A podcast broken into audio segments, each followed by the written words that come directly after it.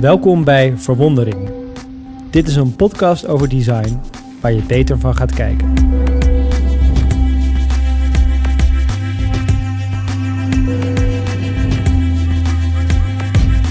Elke aflevering spreekt Harold Dunning met andere ontwerpers en creatieve ondernemers over de impact van hun werk. Samen verkennen zij wat een ontwerp goed maakt. Want, gelooft Harold, door samen beter te kijken ga je meer zien. Harold ken je wellicht als oprichter van designbureau Monkai of als medeoprichter van De Correspondent. En als creative director is hij gefascineerd door veelzijdigheid en door verhalen die oproepen tot verandering. Bovendien is Verwondering misschien wel de meest visuele podcast ter wereld. Alles wat Harold en zijn gast bespreken kun je namelijk ook zien.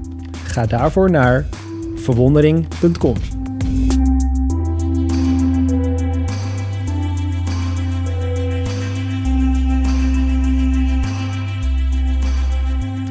Yuki en ik delen een ellendige ervaring.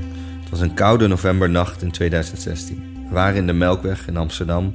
Overal hingen rode en blauwe ballonnen.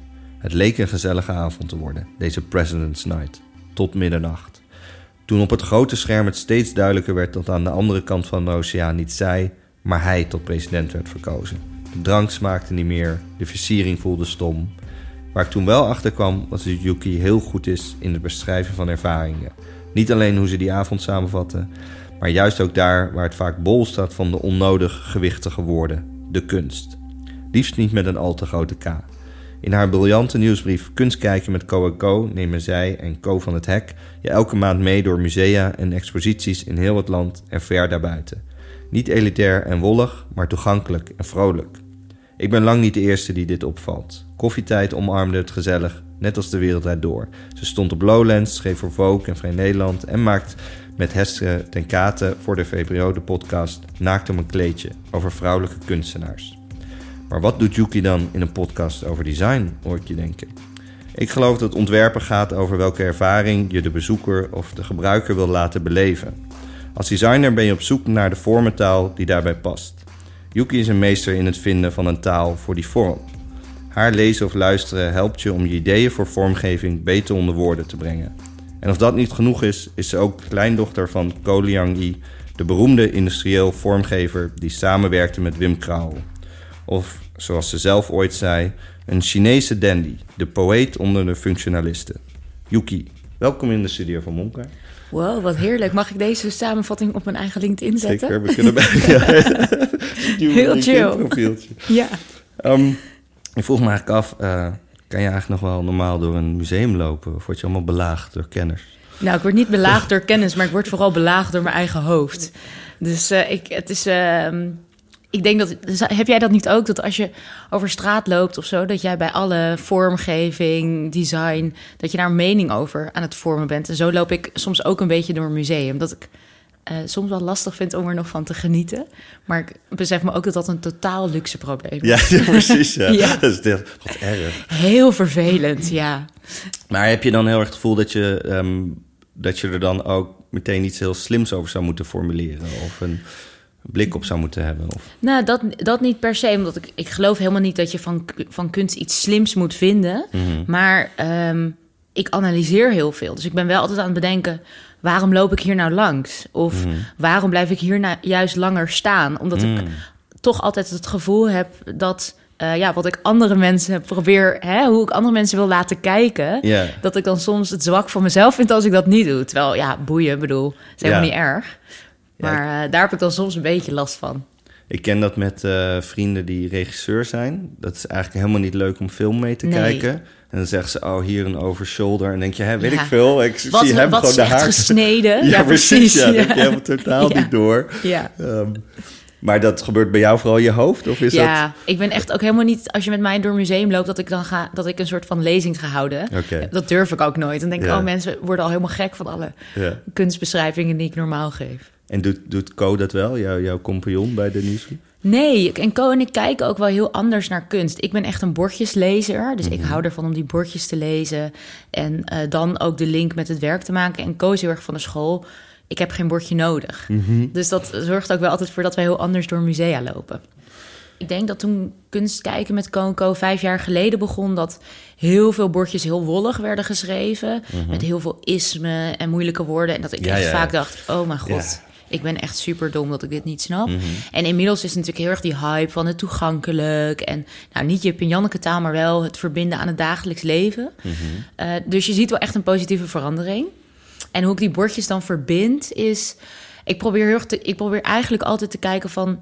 Vind ik dit ook? Vind ik dit passen bij de beschrijving? Of zou ik er iets anders bij, bij vinden? En het is misschien goed om te zeggen hoe ik dan naar kunst kijk... is ik probeer altijd een link met het dagelijks leven te maken. Omdat ik het heel lastig vind dat beeldende kunst... eh, Hè, want daar hebben we het over... dat dat altijd in een soort afgesloten witte kubus te zien is. ja. Terwijl je muziek in je dagelijks leven, leven kan verweven. Dat kan met film, dat kan eigenlijk ook met theater. Je kunt daarover praten in de kroeg. En bij musea is dat op een of andere manier... als eigenlijk een van de weinige kunstvormen niet zo. En ik vind dat totale onzin. Dus ik probeer altijd te denken... hoe kan je dit naar het dagelijks leven betrekken? Is dit een kunstwerk wat mijn vriend of vriendin... met liefdesverdriet kan helpen? Eh, kan dit mij helpen om een belangrijke beslissing te maken? Is het gewoon een heerlijk kunstwerk om naar te kijken... in plaats van een keer een yogalesje te pakken? Dus zo probeer ik eh, die bordjes en het kunstwerk... eh, mijn eigen te maken. Maar hoe gaat het, zeg maar, als... Heb je voor jezelf ook een soort patroon van... ik ga eerst het werk beschouwen en dan pas iets lezen? Of heb je dat je Nee. jezelf wel eens afremt om... Hè, wat je mensen wel eens ziet doen, dan, zie, dan lopen ze op een werk af... en dan lopen ze meteen naar de tekst. Ja, En dan pas... Waardoor ik soms denk, heb je wel... Komt het wel binnen? komt het wel binnen? Ja, of vind je het alleen goed als er nu een grote naam op dat bordje Ja, staat? precies, ja. Ik, nee, dat heb ik echt niet. Ik, probeer, ik loop denk ik best wel intuïtief door musea. Mhm. Ik ben ook totaal ongeduldig persoon. Dus ik kan ook echt binnen een kwartier weer buiten staan. Mhm. Ehm, maar mm, nee, ik loop echt gewoon op basis van... raakt iets me of niet? En als iets me raakt, dan blijf ik langer staan. Of als ik denk, hé, hey, ik loop nu wel heel snel... niks komt binnen, dan ga ik Mhm. Ja. ook echt extra naar die bordjes kijken. Maar ik zie natuurlijk heel veel. En daardoor denk ik ook wel dat je... ehm, ja, dit klinkt ook meteen weer zo kuttig... maar dat je de lat wat hoger legt. Ja, ja, dus. Dan, dan, dan maak je ook wat sneller een schifting. Ja. Ja, dat merkte ik ook wel eens als ik bijvoorbeeld met vrienden naar een museum ga... die bijvoorbeeld heel weinig naar een museum gaan... En dat, ik heb ook heel erg dat ik er soms gewoon heel snel doorheen kan gaan. Van oké, dit doet me niks. Dat heb ik Ja. echt vaker gezien. En bij dit werk blijf ik langer staan. En dat, ze dan, dat sommige mensen zijn bijna verrast... alsof je de evenveel tijd aan alles Ja. moet geven. Maar ja, dat doe je ook niet bij lezen. Dat doe je ook niet Nee. als je door Netflix heen Alsof scrolt. je het kaartje eruit moet halen Ja. qua tijd. Ja, precies. Ja. Maar volgens mij is dat heel gezond om zo te kijken. Heb je dan ook wel eens dat het, dat het museum je zelf opvalt? Ja, heel erg. Ik hou enorm van architectuur. En eh, Tadao Ando, de Japanse Mhm. architect, is echt mijn grote favoriet. En hij heeft best wel veel musea ontworpen. Mhm. Eh, dus ik nou ja, heb een liefde voor de, voor de dingen die hij gemaakt heeft. Maar ik hou ook wel heel erg van die stijl. Eigenlijk heel strak, veel natuurlijke materialen, Mhm. ehm, veel daglicht. Dus ik hou ook heel erg van hoe dingen tentoongesteld zijn. Het kan voor mij ook echt een afknapper zijn als eh, een hele goede kunstenaar Mhm. gewoon slecht tentoon wordt gesteld. En wat is slecht in dit geval? Ehm, nou, met lage plafonds, Mhm. weinig licht. Kijk, heel veel kunst kan ook niet goed belicht worden, omdat als het om prenten gaat, dan vergaat het door, goed, door verkeerd licht. Maar of eh, als het heel erg op elkaar is, of als het heel druk is. Ehm, ja, ik, ik raak best wel snel overprikkeld. En volgens mij vindt niemand het leuk om op zondag naar het Rijksmuseum te gaan. Dus als je die ervaring in een museum hebt, dan, ja, dan kan het ook wel impact hebben. Ik heb laatst iemand geïnterviewd en die zei: Ik kan soms eh, niet van een tentoonstelling genieten als mijn onderbroek in mijn bil kruipt. En dat vond ik zo'n goede Ja. samenvatting. Ik dacht, ja, je moet wel je relaxed voelen om eh, ervan te kunnen genieten. Ja, want, want ehm, ik heb Co ook nog even gesproken. Je- Oh, wauw, je hebt echt een background check ja. gedaan. Maar ehm, en die eh, vertelde ook dat hij het liefst eigenlijk ook op een dinsdag gaat of zo. Als er niemand is. eh, jullie krijgen natuurlijk steeds meer uitnodigingen Ja. voor allerlei exposities. Of bij de opening. Terwijl dat misschien niet de optimale, het optimale moment is om het echt eh, te ervaren. Klopt. Ehm, heb jij dat ook zo? Ga je het liefst op die momenten? Of ben je juist... eh, het ligt natuurlijk ook heel erg aan je agenda... of je door de week even op een dinsdag kan gaan. Ja, nou, ik probeer dat heel. Ik probeer eigenlijk altijd door de week te gaan. Mhm. Inderdaad, precies om dezelfde reden als Co. Omdat het echt heel fijn en een totaal gevoel van luxe is als je een zaal voor jezelf hebt. Of met Ja. een paar eh, wat oudere mensen Ja, door ja, ja, Ik vind dat echt Ja. heerlijk. Ja. Maar ja, dat is praktisch niet altijd mogelijk. Maar om die reden werk ik ook echt eh, altijd, eh, nou ja, niet part-time, want ik werk wel fulltime, maar hou ik altijd mijn woensdag vrij. ja. Eh, dus we zitten nu hier ook op een woensdag. Om Ja, echt, dan doe ik altijd mijn, ja, de dingen die ik echt leuk vind. Dus ik ga straks ook denk ik even naar AI. Oh, wat goed. Zo Ja. hou je het open. Oh, Ja. wat goed. En ook heel blij dat je de podcast dan Ja. ook heel leuk vindt. Ook een soort museum. Precies. Ja. Je zei net eh Tadao Ando dat hij zo'n mooi museum had. Maar die, eh, heeft hij niet een museum, daar was ik echt heel benieuwd naar... maar dat is op een Japans eilandje, helemaal soort afgelegen. ja, je bedoelt Naoshima, denk ik. Oh, oh, cool, je ja, kent ja, het. ja, ja, ja. De Japanse kunsteiland. Ik ben er dus nooit geweest. Maar mijn ouders eh, wel. En die, die maken me er gek maken, jaloers. Ja, mijn ouders zijn totale Japan-liefhebbers. Daarom heet ik ook Yuki. Oh, ik heb helemaal geen roots in Japan. maar mijn ouders hebben gewoon... zijn al pre-millennial eh, liefhebbers van Japan. Ja. Oh, en hoe vonden zij dat dan? Want wat ik ervan eh, van heb gezien is een soort eiland. Hij heeft allerlei verschillende ruimtes eh, eh, ontworpen. Ze zijn ook best wel, nou, eigenlijk wat je net een beetje omschreef, best wel spaarzaam. ja, Er is één hotel of zo waar je volgens mij kan overnachten. wat echt bizar duur schijnt te zijn. Uiteraard. Ja, In Japan en Ja. dan ook nog eh, Ja. exclusiviteit. Ja. Nee, je mag ook nergens foto's maken. En hij heeft. Het is grappig. Het is nu een beetje een hype geworden. Maar het was heel lang eigenlijk best wel in de luwte. Het is een plek waar eens in de drie jaar een trinale, daarom heet het ook een trinale, is. Ehm, en eigenlijk echt de grote kunstenaars eh, van de afgelopen eeuw, die hebben daar eh, werken gemaakt. Dus echt van James Turrell, de lichtkunstenaar, die we ook kennen uit het Museum Voorlinden. Maar ook Yayoi Kusama van de Pompoenen. Of Walter de Maria, eh, die heel erg landschapskunstenaar is. Maar het leuke is dat hij daar eigenlijk ook veel dichter bij huis hele mooie dingen heeft gemaakt. Hij heeft in, vlak over de grens bij in Duitsland, heeft hij op een oude raketbasis de Lange Foundation ontworpen. Dat zit naast Insel Hombroich. En dat is eigenlijk een soort groot museumpark waar natuur en eh, westerse kunst, maar ook Aziatische eh eeuwenoude kunst samengaat. En je koopt eigenlijk een kaartje, loopt het natuurpark in, er lopen wilde eenden, er staat her en der wat eten en drinken wat je gewoon kan pakken. Er zijn Hè? geen bewakers. Wow, er zijn geen naambordjes, Wow, er staat een eeuwenoude Boeddha naast een Picasso. Eh, en je kan er echt een dag doorbrengen. En, en onderdeel daarvan is de Lange Foundation. Dat is eigenlijk gewoon een nou, typisch Tadao Ando betonachtige, ja, kerkachtige plek. Ja. Waar die dus ook, eh, eh, waar allemaal kunst in toon wordt gesteld. En het is niet van hem, maar dus wel echt door, door hem ontworpen. Geen bewakers, dat vind ik ook wel goed. Want Ja. ik, ben, ik ben me altijd heel bewust van de andere persoon in de ruimte. En het is altijd, je moet altijd doen alsof het niet zo is. Ben je ook altijd een beetje bang voor de bewakers in de musea? Nee, ik, ik ja, bang? Waarom zou je bang zijn voor je? Nee, ik, ik heb, of nou niet bang, maar ik heb altijd toch het gevoel dat ik, als ik dan met al, ze alleen eruit ben, dat ik extra geïnteresseerd moet kijken. Oh, zo.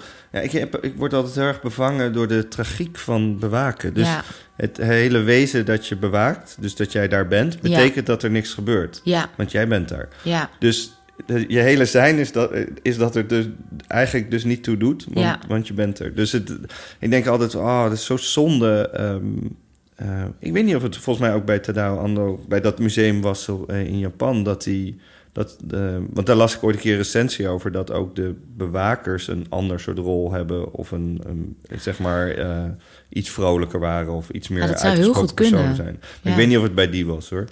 Voordat ik nu iets heel geks zeg. ja. Nee, het zou heel goed kunnen. Ik kan het me zo voorstellen. Volgens mij is hij wel iemand die tot in de details eh, dat soort dingen orchestreert. Dus eh, Want volgens mij begon die collectie ook heel gek. Dat is Terrell met een Monet of zo. Dat het Ja. degene die dat allemaal heeft opgezet... een hele gekke mix maakte. ja, of een hele goede mix. Ja. Ik hou er heel erg van als dingen associatief bij elkaar worden gematcht en niet op basis van tijdvak of stroming. Mhm. En dat maakt ook eh, dat Insel Hornbroich en ook eh, Naoshima, het Japanse kunsteiland, heel goed. Omdat het heel erg vanuit een bepaalde intuïtie van start gaat. Ja, misschien is het gek dan ook niet... Het is meer gek in de zin dat het nieuw is. En bijna Ja. eigenlijk alles wat interessant is... volgt juist niet de regels. Ja. Daardoor onthoud je het. Ja, Ehm, Maar is dat ook ehm, hoe je bent opgegroeid dan met, met eh, eh, kunstverslaafde ouders? Ja, mijn, mijn moeder is kunstenaar en mijn Mm. vader ook. Hij is daarnaast ook fysiotherapeut. En zij vormen samen ook een kunstduo. En mijn broertje is ook kunstenaar. Dus ik ben eigenlijk de vreemde eend in de bijt. Ja. eigenlijk. Dus ja, ik ben heel erg opgegroeid met kunst... maar heb ook totaal de afkeer heel lang gevoeld. Mhm. Er zijn echt foto's van mij als puber in hartstikke mooie musea... dat ik gewoon Harry Potter zat te lezen. Dat ik echt dacht, nee, niet, niet nog een museum. En dan, hoe stom het ook is, je ontkomt er niet aan. Je lijkt toch meer op je ouders dan je, dan je Ja. wil. Zo rond mijn negentiende is toch dat gaan aanwakkeren. En dacht ik, ja, ik vind dit zo te gek. En, en toen is eigenlijk het begonnen dat ik veel vaker ging. Dat ik meer over kunst ben gaan lezen, schrijven. Blauwe Maandag Kunstacademie gedaan heb. Welke? De Kunstacademie in Den Haag, de Koninklijke. Ja. En eh, wat, wat is dan je vroegste herinnering aan, aan een museum of aan kunst? Nou, dat is hier in Amsterdam, eh, in het Stedelijk Museum. Je had daar, ik weet niet eens meer van wie, maar je hebt daar een tijdje over. Je, je kent die hele monumentale trap, toch? Met die rugleuning. En er schijnen allemaal altijd de wildste feesten op geweest te zijn. Maar er heeft ook een tijdje een glijbaan op gezeten. Oh, wat vet. Echt super vet, van boven naar beneden. En dat is natuurlijk als kind mijn eerste herinnering. Want dat vond ik wel heel Oh, leuk aan cool. het museum. Dat is je eerste Ja, daar kon je gewoon eindeloos van afglijden. En dat mocht ook. Oh, wat cool. En eh, ik heb er later nog foto's van gevonden. Het was een knal oranje glijbaan. Oh, ik vind dit altijd echt het leukste. Als het gewoon, gewoon een veel vrolijkere invulling van ruimte Ja. maken... dan dat het inderdaad dat, dat eh, sacrale, dat heilige... Ja, Kinderen totaal. Moeten, moeten een beetje zachtjes Ja. praten. En eh, eh, weet je ook... Ben je nog achtergekomen van wie dat was uiteindelijk? Of? Ja, wel, maar niet nu on top of mind. Nou, we, ehm, kan in de show notes. wij maken natuurlijk eh, hele visuele show notes. Ja. Dus we hebben een gallery met allerlei beelden. Eh, dus dat is zeker... Ik ga het aan je doorsturen. Zeker. Dus Ja. dat is in, in jouw geval eh, kunnen we een hele wereld aan kunst Ja, ontdekken. leuk. Het is lekker heel, heel visueel. Ehm, schrijf je dan ook van jongs af aan of kwam dat meer vanaf je negentiende dan? Nou, ik ben op de middelbare school begonnen met schrijven voor Spunk, Mhm. eh, jongerenblad. En eh, daar is eigenlijk mijn liefde voor schrijven echt begonnen. En toen ben ik bij de VPRO gaan werken. En ja, dan werd je natuurlijk gedrild in schrijven, in Ja. alles. Dus ja, wel van jongs af, semi-jongs af aan. Jongvolwassenen af aan. Ja. Ehm, eh, je maakt natuurlijk ook de podcast Het Naakte Bekleedje met, met eh, Heske ten Katen. Ja. Heel leuk. Ik denk al eh, acht of tien afleveringen.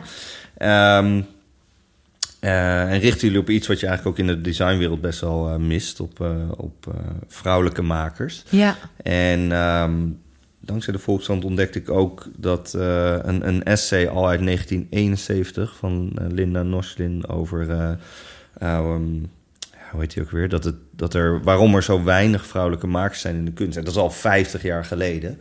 Ehm, kan jij iets vertellen over jullie streven in, met die met, Ja, podcast?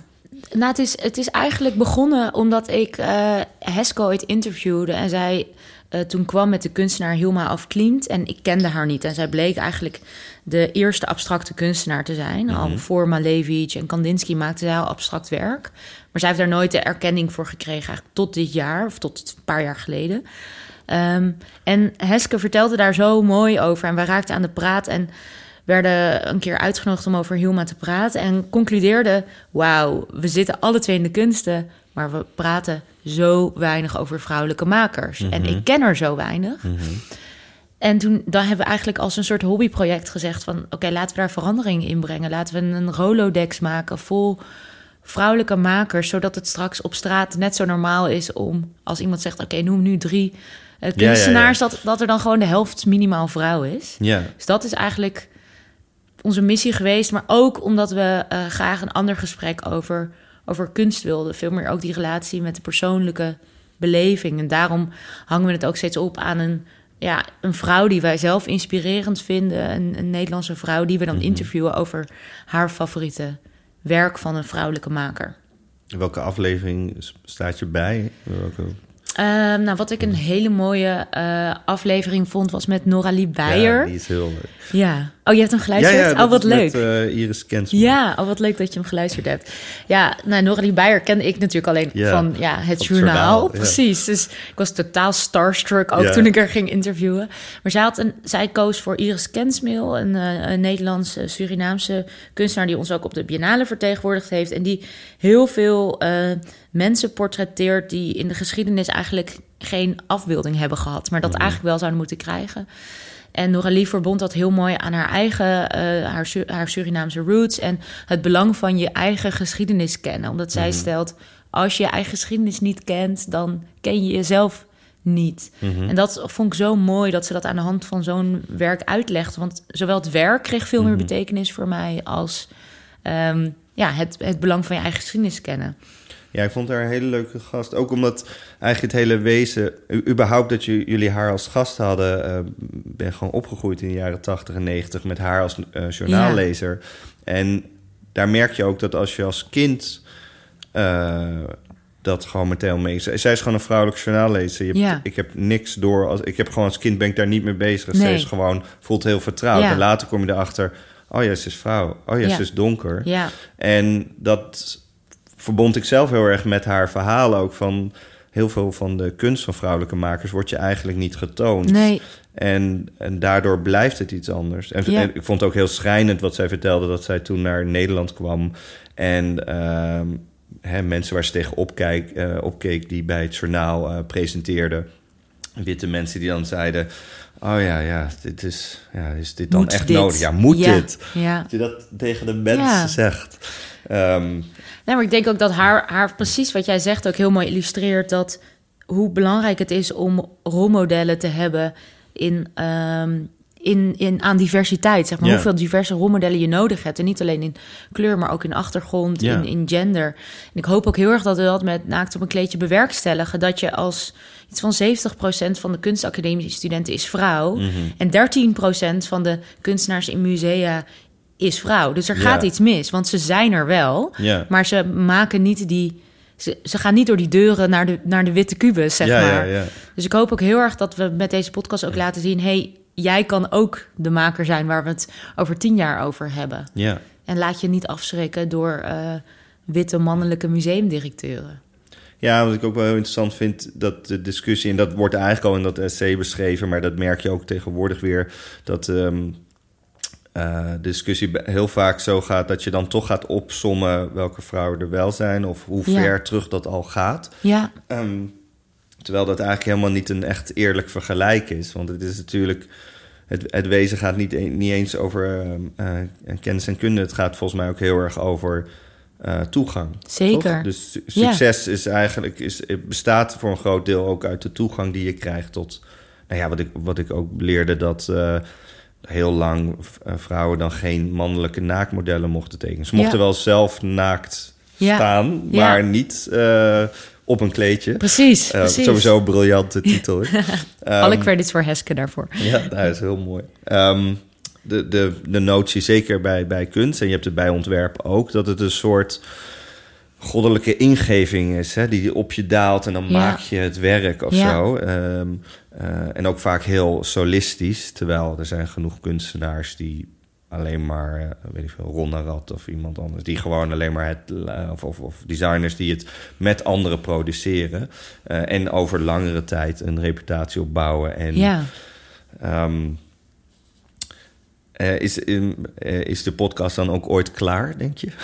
Nou, we, we, hebben, we hebben grappend altijd tegen elkaar gezegd dat we tot onze pensioentjes doorgaan. En we hebben alle twee geen pensioen. Ja. Dus we gaan waarschijnlijk forever door.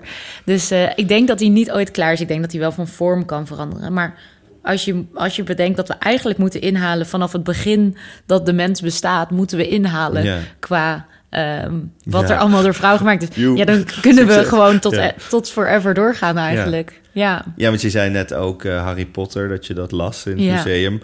Eh, haar is ook gewoon gevraagd om van Joan Rowling J.K. Rowling Ja, te maken, toch? zeker. Dat is het Ja, wat... eh, heftig, hè? Kunnen mensen het zelf... En Ja. bijna niemand weet dat ze Nee. eigenlijk Joan heet. Ja. Ehm, ehm, als je, zijn er vrouwelijke makers waar jij, eh, die, die jij in je opkomen waarvan je zou willen van, oh, dat is, hè, de, de- die horen in het kanon van de kunst?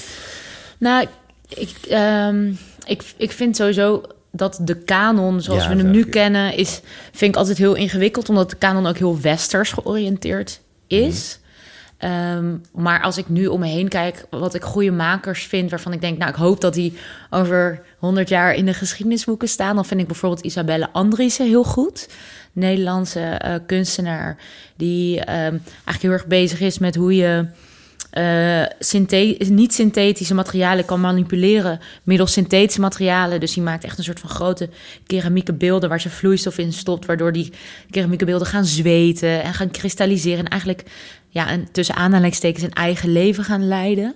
Ehm, en dat is een maker waarvan ik denk, zij voelt zo goed de tijdgeest aan ehm, en heeft zo'n eigen eh, visie op, op, op, op kunst maken dat ik heel erg hoop ja, dat zij eh, nog groter gaat worden dan ze al is.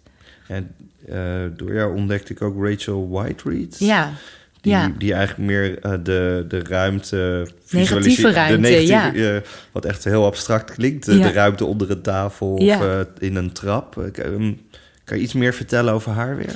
Ja, ik, ehm, eh, ik zit te denken wanneer ik haar ooit voor het eerst gezien heb. Volgens mij is het echt heel stom gewoon via Google Images of zo dat ik haar ontdekt heb. Eh, en zij heeft eh, vorig jaar een hele grote show in Tate Britain gekregen. Ze is een Britse kunstenaar en zij, nou ja, wat je net al zegt, eh, ze- zij, on- zij maakt eigenlijk negatieve ruimte tastbaar. En dat heeft, emotioneerde mij heel erg. Zij heeft van haar mooiste werk, vind ik zelf, dat zij de binnenkant van een kruik heeft afgegoten in eh, een soort van glas. En die heeft ze torso genoemd. En het is, het is zo simpel, maar het is zo erg de wereld op een andere manier laten zien. En eh, dat doet ze zo goed. En dat doet ze van zo klein als een kruik tot hele huizen, tot hele trappen. Ehm, ja, dat raakt mij gewoon heel erg. Hoe raakt een klein gespierd torsootje? Ja, ja en dat is, dat is dus ook het mooie. Hè? Dat, dat het je dus. Het, het, het troost mij heel erg. En, en ehm, soms kun je het ook niet, niet perfect uitleggen. Maar ik vond het feit. Een kruik is een ogenschijnlijk. Ja, voor heel veel mensen een object waar je misschien max 5 euro voor betaalt. Die heel makkelijk vervangt. Maar het geeft je wel heel veel. Het geeft je warmte. En dit is een totale freestyle hoor. Ja, Wat, ja, wat, je, wat je me nu vraagt. Maar het geeft je eh, warmte. En het feit dat je dat dan weer dat afgiet. Iets wat je troost moet geven, warmte moet geven. Afgiet in zoiets kouds als glas. Dat dat contrasteert. Maar dat dat dan toch een soort van troost kan geven. Dat vond ik er heel mooi aan. Gaaf. Ja. Ik ga hem snel eh, Google Image Search. Ja. Wat trouwens eigenlijk helemaal niet... ehm, volgens mij een hele natuurlijke weg is om werk te ontdekken. Ja. Eh, we hebben met de correspondent een tijd lang Artfest eh, gedaan. met, met Ernst-Jan Fout, eh, Ja. die, die, die dat hostte. En dat mede bedacht heeft. Ehm, een show over kunst. En deed eigenlijk een beetje denken ook aan jullie nieuwsbrief. Ehm, eh, eh, een show over kunst zonder, dat de, zonder de potentie dat je er ook maar iets van af hoeft te weten. ja, ik mis die show wel hoor, Ja. Artfest. Ik vond het altijd zo leuk. En daar hadden we een opstelling waarbij ehm, de, de gasten zat, zaten aan tafel. En als er dan ook maar iets gezegd werd, eigenlijk weet je wat wij doen nu, Ja. hè, dat, eh, dat jij dan een, eh, eh, een, een kunstenaar noemt. En dan was iemand eigenlijk gewoon live aan het Google Image Search. En Ja. dat werd geprojecteerd Vet, op het ja. scherm. En dat, dat voelde zo herkenbaar, want dat is wat je de hele Ja. tijd doet. Van, Ja. oh, wie, wie is White Red? Oh, Ja. dan zie je het werk en dan ah, denk je, oh, ik heb daar wel iets van gezien. Ja. Ja, ik, ik krijg daar ook nooit genoeg van. Eh, ik doe dat natuurlijk voor de helft bij deze podcast de hele tijd, want we doen de visuele show notes waarbij we zo'n gallery maken online. Dus ik ben de hele tijd door al die beelden aan het. eh Ja, aan dat is toch heerlijk. Ja. Ehm, en is er ook een maker van heel vroeger die je eigenlijk ontdekt hebt, een vrouwelijke maker waarbij je, waar je heel erg onder de indruk van bent en zou zeggen van ja, heb ik. Dat is eigenlijk de, de, de Rembrandt van haar tijd. Oeh, lastig. Nou, ik, eigenlijk is dat Hilma af Klint die ik, eh, die Ja, ik net ja, al pardon, noemde. ja. Ehm, maar ook iemand die, die ik net recent ontdekt heb is eh, Lucita Hurtado. En zij is... ehm, Oeh, goede naam. Ja, goede naam, hè? En zij is uit mijn hoofd Venezuelaans. Ah. En zij leeft nu nog steeds. Zij is een paar maanden geleden 99 geworden. En zij is op haar 97ste ontdekt. Mhm. En hij heeft een grote show Wow, gehad. Ja, vet hè?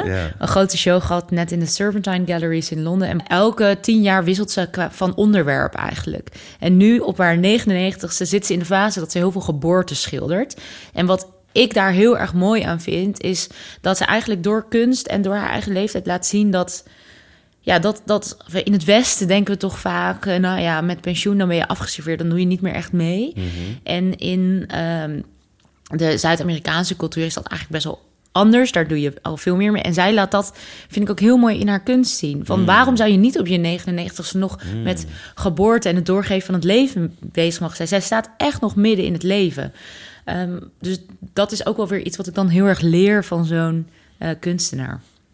Volgens mij is dat inderdaad ook, ook in de Oosterse cultuur of Ja. Japanse cultuur is dat ook veel meer, toch? Dat Ja. senioriteit eigenlijk heel erg, eh, heel erg eh, gevierd wordt. Ja, het klinkt mij eh, ook een beetje als het verhaal van Vivian Meijer. Ken je haar? Ja, Die de fotografe. fotografen, ja. Echt prachtige foto's Ja. van in New York en Chicago, denk ik, uit de jaren 50, 60. Die pas na haar eh, overlijden zijn, echt zijn ontdekt. Ja. ja, want zij was volgens mij het kindermeisje van Ja. het gezin. Toch Ja. niemand wist dat zij fotografeerde. Ja, zij fotografeerde heel heimelijk. Er zijn ook hele mooie zelfportretten van haar... dat ze zichzelf in een, in een eh, ehm, etalage fotografeert. En zij fotografeerde hele mooie straatbeelden. Ja. Eh, echt fascinerend, eh, fascinerend werk. Ehm, dat zijn eigenlijk allemaal hele prachtige vrouwelijke makers. Maar ik kwam bij jou er ook achter dat er een hele mooie mannelijke- mannelijke maker aan jou verbonden is. Ehm, ooit heb je in Vrij Nederland een heel mooi verhaal geschreven over je opa, Koliang I. Ja. Ehm, wat maakte je dat, dat je wilde ontdekken wie jouw opa was? Nou, ik denk dat het ergens ook wel raakte aan, ehm, nou ja, aan wat ik net ook over Noralie Beijer zei: van het kennen van je eigen geschiedenis. En al sinds ik klein ben, wordt er vaak aan mijn opa gerefereerd. Eh, Door mijn achternaam Co, die komt niet super vaak voor. Dus wordt er toch vaak gevraagd: hey, want dat is goed om uit te leggen. Mijn Ja, opa precies. die voerde eh, naar Chinees gebruik eigenlijk zijn achternaam al aan de voorkant. Dus Ja. Liang Yi was zijn voornaam en Ko zijn achternaam, net als de mijne. Dus ik werd natuurlijk vaak gevraagd van... hey, Ko, Ko, Ko, ben jij familie van Ko Liang Yi? En op een gegeven moment begon dat bij mij te borrelen. En ook omdat ik zelf in de kunst werkte, ook dacht... wie was hij eigenlijk? En mijn vader was ehm 15 toen zijn vader overleed. Ehm, Hoe dus oud die is hij heeft, geworden dan? hij is 47 geworden. Hij is echt ontzettend jong, eh, overleden helaas. En ik heb altijd wel gehad dat ik dacht, ja, ik, wie, wie was hij? Wij hadden zijn meubels thuis. Als ik op Schiphol liep, waar, hij- waar hij eigenlijk het hele interieur van heeft ontworpen... dan zeiden mijn ouders wel, nou, dit is nog wat er overgebleven is van je opa's ontwerp. En ehm, ik wist dat hij de bewegwijziging deels ontworpen had met Benno Wissing. Maar niet wie hij was en wat hem dreef en wat er misschien wel van hem in mij zat. Eh, dus toen ik van Vrij Nederland eigenlijk kans kreeg om een portret over hem te maken, dacht ik, ja, dit is het moment. Nu, nu leeft iedereen nog. Of nou, nu leven de laatste nog. Hè? Wim Krauwel ja, precies. ja. Dat is twee jaar geleden, toen Wim Krauwel eh, nog leefde. Ehm Klaas Gubbels heb ik toen gesproken, eh, kunstenaar, maar ook goede vriend van mijn opa, die nog wel leeft. En, en heel veel andere mensen. En toen ben ik eigenlijk gaan reconstrueren ehm, wie hij was. En, en dus ook wie, wie ik dus een beetje ben. Mhm.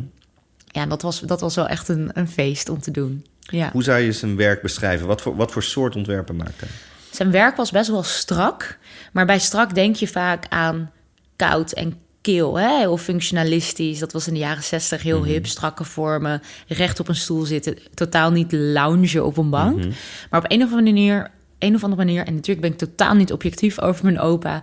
eh, zorgde hij ook voor veel warmte in zijn ontwerpen. Dus er zat, zaten veel... eh, ondanks de strakke lijnen zaten er ook veel ronde vormen in, veel curves, veel. Het was altijd mooi gestoffeerd. Ehm, het zat ook lekker. Ehm, en je ziet ook nog steeds, het heeft een bepaalde tijdloosheid zijn ontwerp. Als je nu op Marktplaats kijkt of vorig jaar op de Salon de Mobile, grote meubel designbeurs eh, in eh, Milaan, dan gaan zijn ontwerpen nog steeds echt als warme broodjes. En veel van mijn vrienden hebben zijn werken. Eh, dus ik denk dat als je hem googelt of in de show notes kijkt... je denkt, oh ja. En dat was ook wel voor mij een van de drijfveren. Dat ik dacht, hé, hey, hij staat nog steeds... eh, bijna 60 jaar later... ook bij mijn eh, kunstminnende vrienden eh, in hun huis. Wat maakt zo'n ontwerp dan zo goed? Eh, en dat was eigenlijk ook wel een van mijn subvragen van dat artikel. Van wat, hoe, hoe kan dat dan? En ik moet je eerlijk bekennen dat ik er nog steeds niet helemaal achter ben. Mijn opa was ook best wel mysterieus. En ik denk dat het ook te maken ergens heeft met... Hij was geboren in, uh, als Chinees geboren in Indonesië. Uh, nu is natuurlijk ook de hele Oosterse esthetiek is nu ook heel erg in zwang. Mm -hmm. Ik denk dat hij op een bepaalde manier ook daaraan al heel erg appelleerde... en op een bepaalde manier zijn tijd ook wel ver vooruit was. Dat schrijf ik ook in zijn stuk, dat ik ergens ook denk dat hij in de huidige tijd veel beter had gedijd mm -hmm. dan in de tijd dat hij, had, dat hij heeft geleefd. Ja, hij is eigenlijk net gestorven voordat dat ja. meer zwang raakte. En ja. zeg maar op een leeftijd, zeker voor een ontwerper, nou, meer daarna had hij nog ja. veel verder zijn naam kunnen vestigen. Hij wilde volgens mij zelfs een bureau beginnen met Norman Foster. Nou, dat is een van de beroemdste architecten en architectenbureaus die er is. Ja, klopt. Um, hij heeft zelf ook helemaal niet zo meegekregen eigenlijk dat, dat hij zo groot geworden is. Mm -hmm. Hij heeft heel veel kritiek gekregen op zijn ontwerpen voor Schiphol. Terwijl Schiphol eigenlijk in de jaren na zijn dood heel leidend is geworden voor hoe je een luchthaven inricht. En heel erg inspeelt op uh, de nervositeit en de behoeften van de reiziger. Weet je, mm -hmm. een reiziger vliegen was toen nog best wel nieuw. Je wilde iemand kalmeren. Dus het moest sereen zijn. Mm -hmm. uh, er moest uh, gedimde belichting zijn. Er moesten goede stoelen zijn. En ja, in die tijd werd hij daar best wel een beetje om verguisd. Of in ieder geval nog niet begrepen. Ja, ik denk dat dat sowieso vaker gebeurt in ontwerpen. Omdat je probeert voor, vooruit te kijken ja. van waar gaan de trends heen. Um, hij, de, hij, had volgens mij ook een briljante research-opdracht voor zichzelf bedacht... dat hij al die grote luchthavens over de hele wereld moest ja. bezoeken. Hij had echt nog Slim. geen last van vliegschaamte. nee, dat was toen totaal nog niet. Um, maar uh, dat merk ik zelf ook vaker in het werken. Een deel van wat je doet is natuurlijk ook heel erg adviseren van waar het naartoe gaat. Ja. Um, wat ook vaak wel op tegenstand uh, stuit. Uh, mensen er eigenlijk nog niet klaar op zijn. En dan jaren later zie je eigenlijk, oh, dat, dat werk. volgens mij hebben ze het ook nog tentoongespreid bij de 100 jaar voor Schiphol. Ja, van hoe, hoe, het, hoe het werk is. En dat het gewoon inderdaad prachtige ruimtes zijn. En um, want wel, welke, welke bankjes of stoeltjes heb jij thuis? Ik heb een uh, dressoir wat hij ooit voor, uh, volgens mij, Fristo heeft ontworpen... maar wat nooit in productie is gegaan. En ik heb net echt met pijn in mijn hart mijn, uh, uh, zijn, ja, volgens mij heet dat C380 of zo, dat bankje. Ik weet al die codes niet uit mijn hoofd. Maar zijn drie-zitter bankje met, met, met knoopjes mm -hmm. op de rugleuning, die heb ik net uh, aan iemand weggegeven. Oh, weggegeven? Ja. Oh, wauw. Ja, omdat het probleem is toch dat voor Nederland, Nederlanders met, met wat lengte, zoals mijn vriend, yeah. zit het gewoon echt niet lekker. Dus ik heb de strijd ja. verloren en ik heb gewoon een, een hoekbank nu thuis. Ja. Wat natuurlijk een beetje vloek in de kerk is. Ja. Want hij heeft op een gegeven moment, volgens mij mocht hij bij uh, Artifort, hè, de, de meubelmakerij, uh, mocht hij het uh, overnemen dat het, zeg maar... Volgens mij was hij er heel erg tegenaan aan het schoppen. Van, ja, hij had gewoon super veel kritiek ja. en heeft gewoon net zo lang geschreeuwd... tot ja. ze bij Artifort dachten, oké, okay, wie is die Chinees? Zo, ja. ik quote nu. wie is die Chinees die zoveel kritiek aan het uiten is? En toen hebben ze gezegd, oké, okay, nou als je het zo goed weet, ga, kom het maar doen. Ja, in, in zijn werk stelde hij ook heel erg de, de mens centraal. Ja. Um, waarom, weet je? Ja, ik, ik denk... Ik, ik vind het lastig, hoor. Ik, ook omdat ik hem nooit zelf gekend heb... om mm -hmm. echt voor hem dingen in te vullen. Ik denk dat dat sowieso in die tijd heel erg in zwang raakte. Dat je ook veel meer de gebruiker nog meer centraal ging stellen. Um, maar hij keek ook heel erg naar naar de behoeftes. Dus, dus hij heeft ook een van zijn ontwerpen was een flat voor alleenstaande uh, vrouwen. Want in die tijd werden, werd heel erg naar gezinswoningen gekeken. Mm -hmm. En het ontwerp daarvoor, terwijl dat was niet de enige uh, soort consument die er was. Er waren ook mensen die in hun eentje wilden wonen. Mm -hmm. En hij heeft echt best wel een vette flat... waarin je de tafel dan weer kon platleggen. Dan werd een bed en dan alles kon je heel erg modulair inrichten. En daar heeft hij een ontwerp voor gemaakt. En dat droeg dan ook zijn telefoonnummer als ja, ja. Uh, titel. Want ik heb ook wel het vermoeden dat mijn opa een enorme charmeur was. Ja. Laat ik het zo zeggen. ja. Briljant. Alleenstaande vrouwen in Hilversum, die zullen hem niet vergeten. Nee, precies. uh, hoe, hoe, vond je dat hij zelf was in het beschrijven van zijn, van zijn ontwerpen? Ja, wel heel poëtisch. Heel... Um, de, de quotes die ik van hem heb teruggevonden... en ook als andere mensen hem uh, eigenlijk hem quoten... Dan, dan was het heel intuïtief. En hij, hij was ook best wel stellig. Hij, hij liet zichzelf niet zoveel dingen aanpraten, van wat ik heb begrepen. En, en kon ook gewoon echt dingen die, die niet per se volgens de norm mooi waren, wel mooi vinden. En hij zei, ja, als ik iets wat andere mensen kitsch vinden, mooi vind, dan maakt het me niet uit. Dan, ik zet gewoon een verfblik met twee bloemen in een super chique stand in Milaan. En hij, hij- er is ook een verhaal van dat hij volgens mij een, ehm, voor KLM in Venetië iets moest inrichten. En dat hij eh, had bedacht dat hij een heel grote giraffenhoofd was, dat geloof ik. eh, daarvoor voor, eh, wilde gebruiken, gecombineerd met een palmboom. Ja, dat is in die tijd is dat echt vloeken in de kerk. Maar hij heeft dat gewoon lekker op een gondel door Venetië naar de plaatselijke locatie gebracht. En vond het dan ook heerlijk om lekker de aandacht op zichzelf te vestigen. dat er een klein Chinees mannetje met een giraffenkop en een palmboom door Venetië aan het varen was, weet je. Dus ehm, Ja, hij was ook wel een beetje een dandy, toch? ja, Eh, totaal. eh, ja. Cowboy laarsjes, alles. Grote bontjas, Ja. grote sigaar in zijn mond. Ja, ja zo ingetogen als een ontwerper, zo Ja. uitbundig eh, was hij in zijn persoonlijkheid. Oh, het lijkt me toch ook heerlijk te ontdekken dat dat dan je opa is. Ja, Ja, Wat jammer dat je hem nooit hebt mogen kennen dan. ja. Maar zo kan je hem wel een beetje soort leren kennen Ja. via... Want er is niet heel veel bewaard gebleven, denk ik, buiten wat interviews. Nee, ja, er staat wat in het stedelijk en in het Boymans. En eh, we hebben natuurlijk in de familie heel veel. Ehm, maar, en, maar, en alles is nog steeds in productie. Dus ik bedoel, het wordt gewoon nog steeds opnieuw gemaakt. En dat is eh, heel fijn. En ik herken zelf ook, ik eh, bedoel, eh, mijn vriendje wordt er gek van dat ik het liefst bij de vuilnis eh, ons hele interieur bij elkaar scharrel. En in elk verfblik de schoonheid zie. Dus ik herken ook wel zelf heel erg. ik ben ook een beetje die morgenster. het liefste ga ik gewoon naar kringloopwinkels en haal ik de gekste dingen bij elkaar. Zijn jullie stijlen een beetje compatible of is het...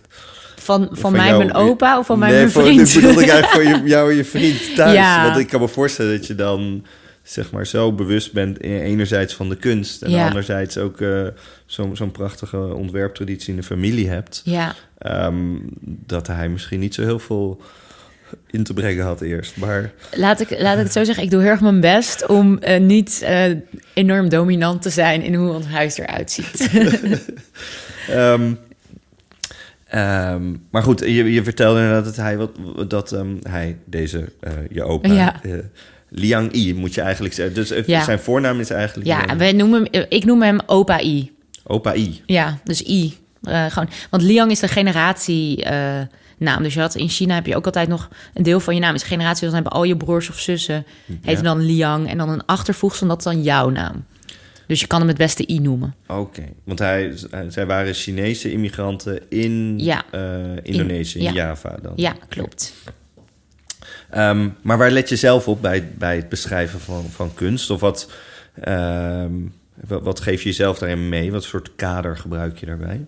Nou, ik denk dat het heel erg verschilt voor wie het is. Maar bij Naakt op een kleedje hebben we bewust gekozen voor een niet-visueel eh, medium om een visueel medium te beschrijven. Herkenbaar. Ja, heel herkenbaar. ja, doe jij dat ook? Ja. Dus ehm, eh, bij Naakt op een kleedje... eh, wat ik daar het leukste aan vind, is om zowel echt een visuele beschrijving, gewoon een hele letterlijke beschrijving te geven van hoe ziet iets eruit, maar ook waar doet het aan denken. Dus ehm, we hebben het laatst gehad over Lina Irish Victor, is een eh, kunstenaar die heel veel werkt met eh, eh, op eigenlijk gigantische soort van schilderijen, helemaal zwart met waar, waar ze met een soort van goud op werkt. Ehm, en dan proberen we het heel erg te beschrijven aan... het doet ons denken aan hieroglyphen, maar het is ook... Het, het, het voelt gevoelsmatig ook zo simpel als iets wat je grootmoeder je als tip zou kunnen geven om, weet ik veel, je verkoudheid tegen te gaan. Dus we proberen echt, of ik probeer heel erg een, een link te leggen dat je het visueel snapt, maar ook gevoelsmatig. En voor mij zijn dat wel twee andere dingen. Mhm. Dus ik probeer het echt op verschillende niveaus eh, uit te leggen.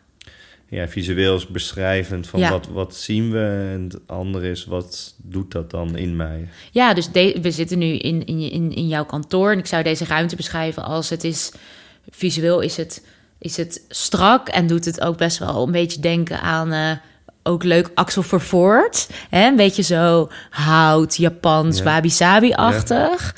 Eh, maar gevoelsmatig is het ook een, eh, een soort moodboard. Een, een, een, een, plek waar je heel erg ziet dat jij zoekt naar, ehm, naar hoe jouw ontwerpen voor, voor mij hè, tot Mhm. stand komen. Van heel strak, wat je ook gecombineerd combineert met, met sierlijk. Dat vind ik Mhm. ook altijd heel erg. Jouw handschrift vat dat, vind ik ook altijd heel erg samen. Dankjewel. Dus, dus zo zou ik dan bijvoorbeeld iets omschrijven. Oh ja, dat vind ik heel leuk. Ja, omdat dat...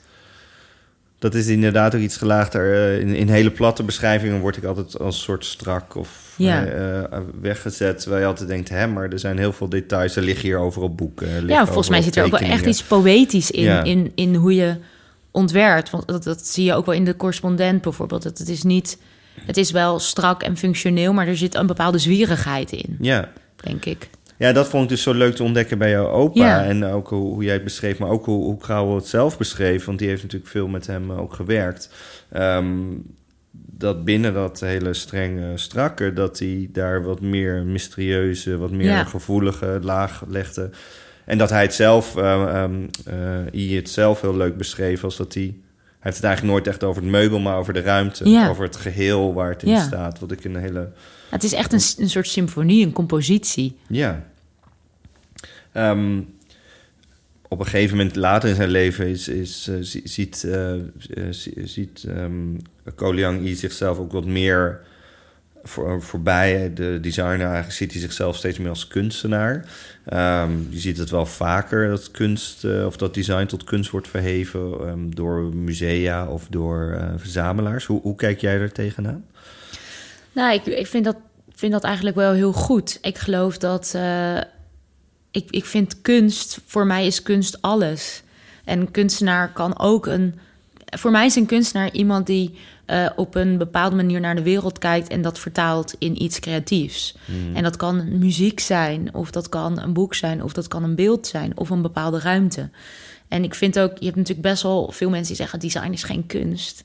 Ik vind design heel erg kunst. Het gaat om een bepaald gevoel overbrengen. Wat je. Ja, het is, het is, het is. Soms kan je aan een bepaald gevoel geen woorden geven. Maar kan je er wel, ik zeg maar iets heel stoms. er een kruk aan geven. Of een schilderij. En eh, kunst is een universele taal die iedereen spreekt. Maar iedereen op een andere manier eh, uit. Maar dan is het in essentie wel de inmenging van de mens. Dus het is, Ja, als je zegt alles is kunst, dan, maar de, ja dat klinkt. Ik, heb- ik snap. Ja, het is heel zweverig inderdaad. Alles is kunst, maar je hebt gelijk. Het is kunst als uitingsvorm van de mens. Ja. ja. ja. Nou ja, omdat ik ook eh, heel erg kan- genieten van details die misschien niet per se op die manier als kunst werden gezien. Of eh, hè, net zo goed als dat een wandkleed of een kleed ineens gezien wordt als een, eh, als een kunstwerk aan Ja. zich die je weer op kan hangen. Ehm, ehm, maar dat ik dat zeg maar zo'n behoefte aan een soort van. Dat vind ik zelf heel fijn aan musea. Een soort van. eh, dat, dat iemand daar een soort bewust esthetische ervaring heeft proberen te scheppen. In, in de meest ideale omgeving. Ik merk bij het museum zelf dat ik eh, voor de helft vooral heel erg hou van het museum. Ja. En altijd heel benieuwd ben waarom de architect, eh, waarom hij of zij dat op die manier wilde creëren. Wat Omdat is jouw lievelingsmuseum? Mijn lievelingsmuseum is ehm eh, Louisiana. in, Oh eh, ja, in, eh, die staat ook op ja, mijn lijstje. Boven, dat is denk ik een half uurtje van Kopenhagen. Ja. Ehm, en dat doet een beetje denken aan Krullenmuller of voor Linde. Dus het is een, er is een heel park omheen. In, in dat geval van Louisiana is het aan het water. En kijk je, zijn er stukken waar je heel mooi over het water kijkt. Het is volgens mij allemaal één verdieping. Ehm, een moderne kunstmuseum. Ehm, denk ik, ja, misschien al 50 jaar of 80 jaar. Ik weet niet hoe lang. Met een beeldentuin daarbuiten. Ja. Het is een beetje à la Krullenmuller. Ja. Eh, ehm, ja, nee, het is een prachtig museum waar ook heel erg natuur ja. samenspeelt met kunst. En Ja. dat, dat maakt het ook zo'n fijne plek, dat het heel erg interacteert met de omgeving. Ja, en, en, en in mijn beleving zijn die dus heel erg aan elkaar verbonden. Ja. Dus eh, in de zomer ga ik het liefst ook de bergen in en Ja. hiken. En dan dat we echt altijd in de bos en zo zijn. Ehm, en misschien dat ik dan ook eerder eh, zo'n museum... Ik, ik herken het ook van... ehm ander museum wat ik heel interessant vind is uh, Dia Beacon. Die leerde ik ooit... eh, door- jullie hebben met... eh, kunst kijken met de nieuwsbrief... hebben jullie ooit een keer een kaartje gemaakt van New York. En die Volgens mij zelfs op verzoek van jou en Ernst Jan. Is dat zo? Ja. Ja, oké. Oh, dat Volgens mij stuurde Ernst een keer zo... Doe even een kaartje van New York maken. En toen dachten we, oh, dat is best wel een goed idee eigenlijk. Laten we dit doen. Ja, Mooi hoe Ernst toch weer achter alles zit. ja. Ehm, mastermind Ernst. En die, eh, dat kaartje stuur ik nog steeds naar mensen toe. En ik ben ook met Ja, Ernst ja. en eh, met zeggen, ben ik naar, eh, zijn we ooit naar Diabeacon geweest. En dat is een voormalige ehm, potloodfabriek, denk ik. Kistenfabriek. Kistenfabriek. Ja, En, maar het is heel erg groot. En ik, dat vond ik eigenlijk ook wel heel grappig dat dan museum waar alles het grootst was, dat, dat je dat dan in Amerika tegenkomt. Maar met heel groot werk, eigenlijk een soort gaten en zo. Dat ik eigenlijk nergens anders heb gezien. Dat vond ik Ja. ook een heel mooi. Vond ik ook heel interessant hoe, Ja. hoe, hoe, hoe ruimte je daar beïnvloedt. Ehm, ehm, wat zou jij antwoorden als ik jou vroeg welke nou, museum het mooiste ik eh, vind Louisiana en Diabeacon zeer goede keuzes. Eh Insel Hoenbrug, wat ik eerder noemde, eh, ook. En ik zit te denken hoor, wat ik nog meer... Ik heb meer musea waarvan ik denk, daar zou, die zou ik nog heel graag in het echt willen zien. Mhm. Dus je hebt ehm, van eh, Hiroshi Sugimoto, die, die kennen we denk ik allemaal van dat hij heel veel zwart-wit eh, zeegezichten maakte. Met eigenlijk, hè, als je een vierkant hebt, gewoon precies in het midden altijd de horizon van de zee. Dat doet doet hij overal ter wereld. En hij heeft zijn eigen observatorium gebouwd, ook in Japan. Mhm. Waar hij heel erg de, ehm, de elementen ook laat interacteren met architectuur. En dat is, zie je eigenlijk ook bij Diabeacon en Louisiana. Dat is wat voor mij Ja. altijd een museum toch heel mooi maakt. Als het ja, met het dagelijks leven eh, Ja. een interactie aangaat. Dus ja, die plek van Sugimoto zou ik heel graag in het echt willen zien. En we, we spraken eerder over Donald, eh, Donald Judd. Die, dat leek me ook nog een hele interessante. Die, eh, een kunstenaar uit New York die later naar Marfa is gegaan, naar Ja. Texas. Ja. En daar ook een soort zelfruimtes heeft ingericht. Ja. Lijkt me ook wel fascinerend. Ja, sowieso heb je heel veel in die, uit die tijd kunstenaars. eh, helaas zijn er vooral mannen van bekend die heel erg ehm, landschapskunst maakten. Dus die gaten in de grond die je net noemde van Diabeacon.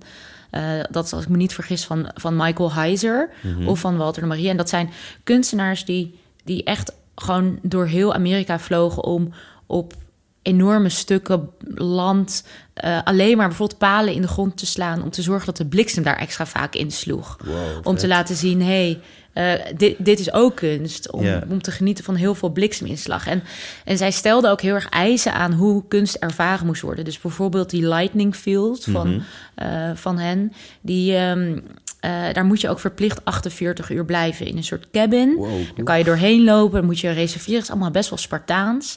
Maar omdat zij ook heel erg geloven in eh, een bepaalde ja, bezinning... en bijna een soort meditatieve ervaring van hun werk. Ja, En zo hebben ze... En Dia Beacon, Dia, de, de, de stichting... die spelen daar ook een, een hele belangrijke rol in. Die zijn eigenlijk een van de weinigen ter wereld die dat financieren... en ook zorgen dat dat soort dingen kunnen plaatsvinden. Want ja, de markt... eh, die eh, stelt je helemaal niet in staat om bijvoorbeeld een appartement helemaal vol met potgrond eh, te gooien en te kijken hoe dat dan over twintig jaar eruit ziet. dat is er ook ergens in Soho. En, Ja. een, Ook van, van volgens mij Walter de Marie. ja, ja. fascinerend Ja. is die. Nou, net zijn we al ergens heen gevlogen, maar als je nu de trein zou mogen pakken naar, naar een, een museum of een expositie, waar, waar, waar neem je ons mee naartoe? Het is iets waar ik al heel vaak geweest ben, maar waar ik eigenlijk steeds weer terugkom dat het elke keer anders is. En dat is een werk van James Turrell. En dat is niet, de meeste mensen denken dan meteen aan Voorlinden, maar hij heeft ook nog een ander werk in Nederland gemaakt, al, wat al 30 jaar oud is. En dat is eh, eh, Het Hemelsgewelf in de duinen bij Den Haag. Dat is een, eh, een hele grote kom, eigenlijk zo groot als een voetbalveld, heeft hij in een duinpan uitgegraven. En in het midden staat een heel dun bankje, wat totaal door vandalen met gravity is eh, ja, lelijk gemaakt. Maar het idee is eigenlijk dat je daar op dat bankje precies met twee mensen met je hoofd tegen elkaar recht kan liggen. En dat op een heldere dag of ook met een paar wolken, ja, als je daarin gaat liggen, doordat je veel lager ligt en je ligt in een kom, je het gevoel hebt alsof je eigenlijk in een soort snow globe ligt. En Terrell is, nou ja, hij is een wiskundige, natuurkundige piloot, totale beta-man. En hij is altijd heel erg bezig met hoe, eh, hoe je licht en eh, lucht kan observeren.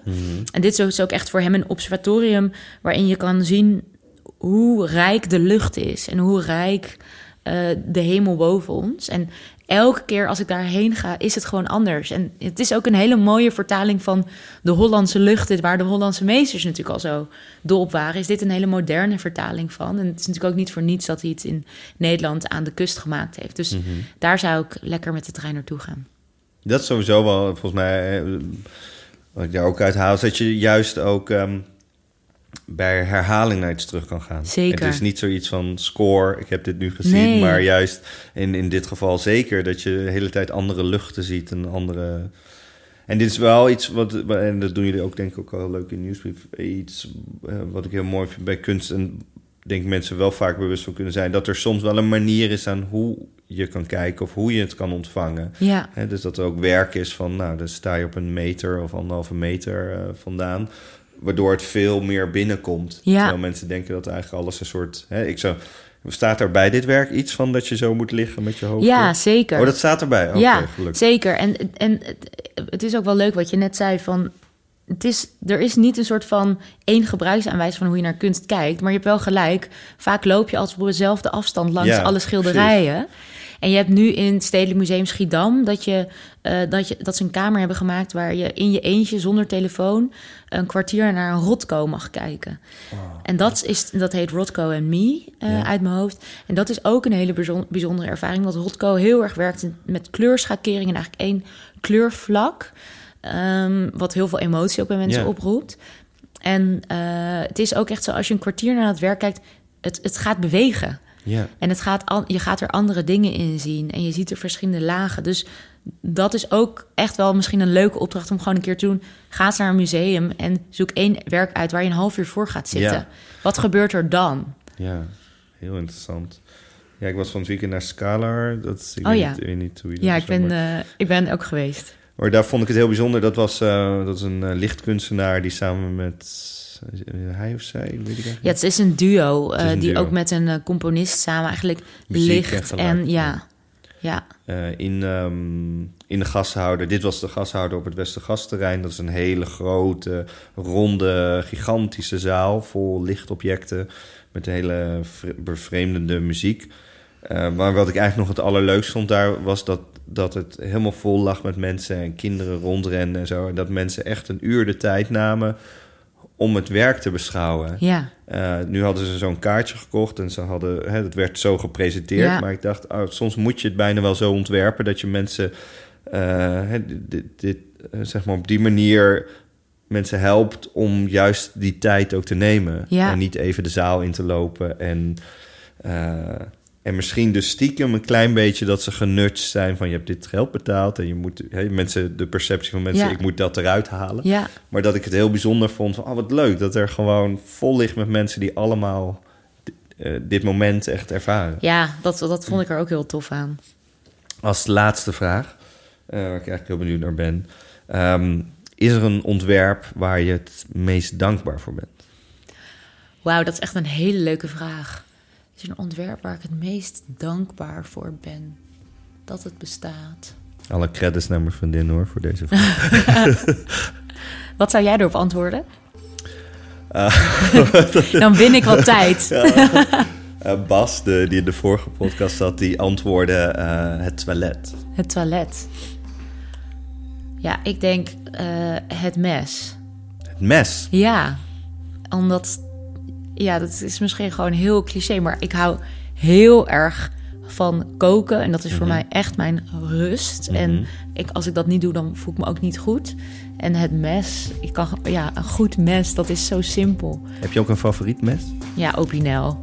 Binel. Oh, je Ja. zegt alsof dat... Ja, gewoon iedereen- zo'n Frans, heel zo'n veel- Frans klapmesje. Wat je altijd, ik had Oh, het vroeger ja. altijd in mijn tas tot een keer bij uitgaan is afgepakt. Oh. Ja. ja. Prachtig. Nou, ik vond het heel erg gezellig. Eh, alles wat we hebben besproken, dat kunnen we ook nog terugzien. En eh, heel erg bedankt voor je komst. Nou, thanks voor de uitnodiging. Yes.